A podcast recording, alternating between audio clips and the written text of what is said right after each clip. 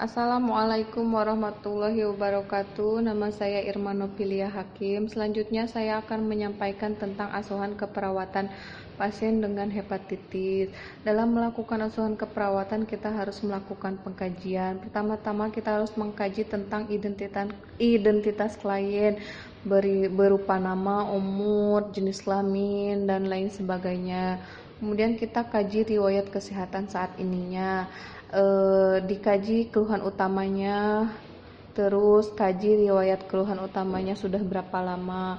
Kemudian kita lakukan pengkajian di riwayat kesehatan masa lalu. Apakah pasien sebelumnya mengalami uh, nyeri ah, ya bukan nyeri apa namanya uh, sakit yang sama seperti sekarang? Apakah pasien mengkonsumsi alkohol atau tidak? Kemudian kita kaji riwayat keluarganya. Kemudian kita melakukan pengkajian berdasarkan divisi kebutuhan atau aktif yang pertama aktivitas istirahat. Misalkan klien bekerja sebagai tukang bangunan dan waktunya dihabiskan hanya untuk menyelesaikan pekerjaannya. Kita kaji pola istirahat pasien seperti apa. Terus di pemeriksaan fisik kita kaji tonus ototnya kuat atau tidak, terus uh, romnya penuh atau tidak, kemudian di sirkulasi kita kaji misalkan klien tidak ada riwayat hipertensi atau tidak ada masalah dengan jantungnya, uh, kemudian pemeriksaan fisiknya berupa tanda-tanda vital. Terus di poin selanjutnya kita kaji tentang eliminasi misalnya selama di rumah sakit pasien tidak mengalami perubahan atau masalah dalam BAB dan BAK itu harus dikaji terus di dalam pemeriksaan fisiknya apakah ada uh, pada pemeriksaan abdomen teraba pembesaran hepar dan nyeri tekan pada hipokondria kanan. Kemudian parastaltik ususnya positif Kemudian di poin selanjutnya ada reaksi emosional. Kita harus mengkaji uh, status emosi pasien juga, misalkan klien merasa cemas atau tidak dengan kondisinya saat ini. Kemudian kita kaji tentang makanan dan cairan yang dikonsumsi pasien. Misal klien bisa mengkonsumsi makanan nasi, sayur, lauk pauk dengan frekuensi berapa kali sehari, terus uh, apakah kebiasaan uh, konsumsi pasien mengkonsumsi apa aja. Terus kita uh, selanjutnya melakukan pengkajian tentang hygiene. Misalnya apakah pasien dapat melakukan ADL-nya se ADL-nya sehari-hari, apakah bisa dilakukan sendiri atau dilakukan keluarga. Kemudian untuk uh, poin selanjutnya kita kaji tentang neurologi pasien. Kita kaji apakah pasien saat ini merasa pusing atau tidak terus eh, apakah ada nyeri kepala atau kesemutan. Kemudian di pemeriksaan fisik misalnya pasiennya sadar pupil isokol bereaksi terhadap cahaya genggamannya kuat berbicara jelas dan berorientasi terhadap waktu Kemudian kita poin selanjutnya kita melakukan pengkajian nyeri. Misalnya saat pengkajian nyeri klien merasa pada da nyeri pada daerah perut kanan atas. Terus kemudian kita mengkaji tentang interaksi interaksi sosial. Apakah klien sudah menikah? Terus apakah e, pola hidupnya seperti apa? Kemudian kita kaji juga apa siapa yang dibiayai yang membiayai hidupnya. Kemudian kita kaji tentang keamanan pasien, apakah pasien tidak mempunyai alergi, apakah pasien mempunyai alergi makanan atau obat-obatan.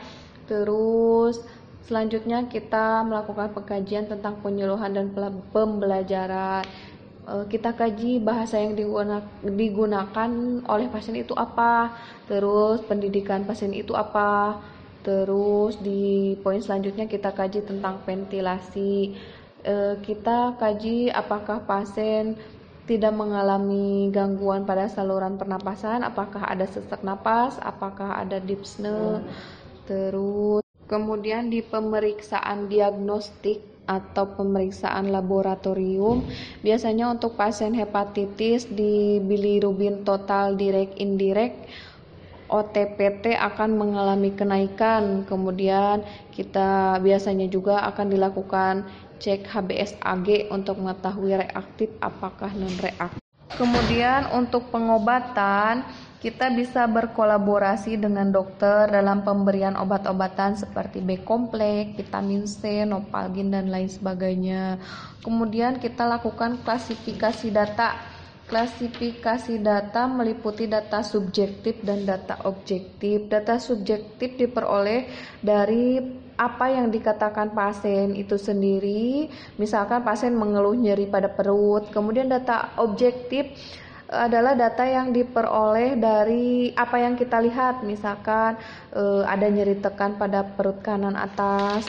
Kemudian setelah melakukan klasifikasi data, kita melakukan analisa data untuk menentukan masalah keperawatan. Untuk pasien hepatitis biasanya masalah keperawatan yang diangkat itu adalah nyeri. Nyeri berhubungan dengan infiltrasi hati dilihat dari data subjektif dan objektifnya kemudian etiologinya itu virus hepatitis, kemudian e, invasi virus, nanti selanjutnya kerusakan sel parenkim hati terutama retikulum endoplasma, kemudian merangsang sel mas mengeluarkan mediator kimia, terus nosiseptor terangsan membuat proses transduksi, transmisi, modulasi dan persepsi nyeri maka timbullah nyeri. Kemudian masalah keperawatan yang kedua itu bisa berupa perubahan nutrisi, kurang dari kebutuhan tubuh berhubungan dengan mual muntah. Biasanya pasien-pasien hepatitis kita peroleh data di data subjektifnya, pasien mengatakan nafsunya berkurang, pasien mengatakan setiap kali makan dan minum merasa mual. Itu di data objektif kita bisa lihat porsi makannya tidak habis, kemudian ada mual. Terus ini untuk etiologinya hepatitis membuat si invasi virus menyebabkan kerusakan sel parenkim hati terutama retikulum endoplasma membuat sekresi empedu, terganggu, kemudian gangguan metabolisme, anoreksia, mual dan muntah, maka timbullah gangguan nutrisi. Terus untuk diagnosa ketiga atau masalah keperawatan yang ketiga biasanya atau timbul kurang pengetahuan tentang kondisi e, berhubungan dengan tidak mengenal atau tidak mengetahui informasi. Itu dilihat dari data subjektifnya pasien bisa mengatakan kalau pasien tidak terlalu mengerti tentang kondisi penyakitnya. Kemudian dari data objektif kita bisa lihat klien sering bertanya-tanya tentang kondisi penyakitnya dan bisa jadi kliennya gelisah. Kemudian untuk rencana asuhan keperawatannya, untuk diagnosa pertama kita bisa melakukan intervensi dengan mengkaji karakter karakteristik nyeri, eh, lokasinya, durasinya, intensitas dan frekuensinya. Kemudian kita bisa melakukan observasi TTV, terus mengajarkan teknik relaksasi dan distraksi. Kemudian kita bisa berkolaborasi dengan eh, dokter untuk pemberian analgetik sesuai indikasi. Untuk dia masalah keperawatan yang nomor dua yaitu yang ber, uh, dengan perubahan nutrisi, kita bisa melakukan uh, peng, mengkaji pola makan klien. Uh, itu rasionalnya kita bisa e, memberikan cara menghidangkan makanan dapat mempengaruhi nafsu, mak nafsu makan klien. Cara menghidangkan makanan dapat mempengaruhi nafsu makan klien. Terus memberikan makan dalam porsi sedikit tapi sering. Kemudian kita juga bisa menjelaskan manfaat dan makanan nutrisi bagi pasien itu seperti apa. Kemudian beri umpan balik positif saat klien mau berusaha menghabiskan makanannya. Kemudian eh, kita bisa berkolaborasi dengan dokter untuk pemberian pemberian multivitamin. Terus mungkin uh, untuk diagnosa uh, atau masalah keperawatan yang ketiga kita bisa melakukan intervensi dengan mengkaji tingkat pemahaman proses penyakit atau harapan prognosis kemungkinan pilihan pengobatan kepada pasien. Kita juga bisa memberikan informasi khusus tentang pencegahan atau penularan penyakit yang sedang dideritanya. Kemudian kita juga bisa menjelaskan tentang pentingnya istirahat dalam rencana pengobatan dan perlunya keseimbangan beraktivitas. Kemudian kita bisa menganjurkan perlunya menghindari makanan atau minuman alkohol yang dapat memperberat penyakit. Baiklah penyampaian saya sampai di sini. Wassalamualaikum warahmatullahi wabarakatuh. Selanjutnya akan disampaikan oleh rekan saya.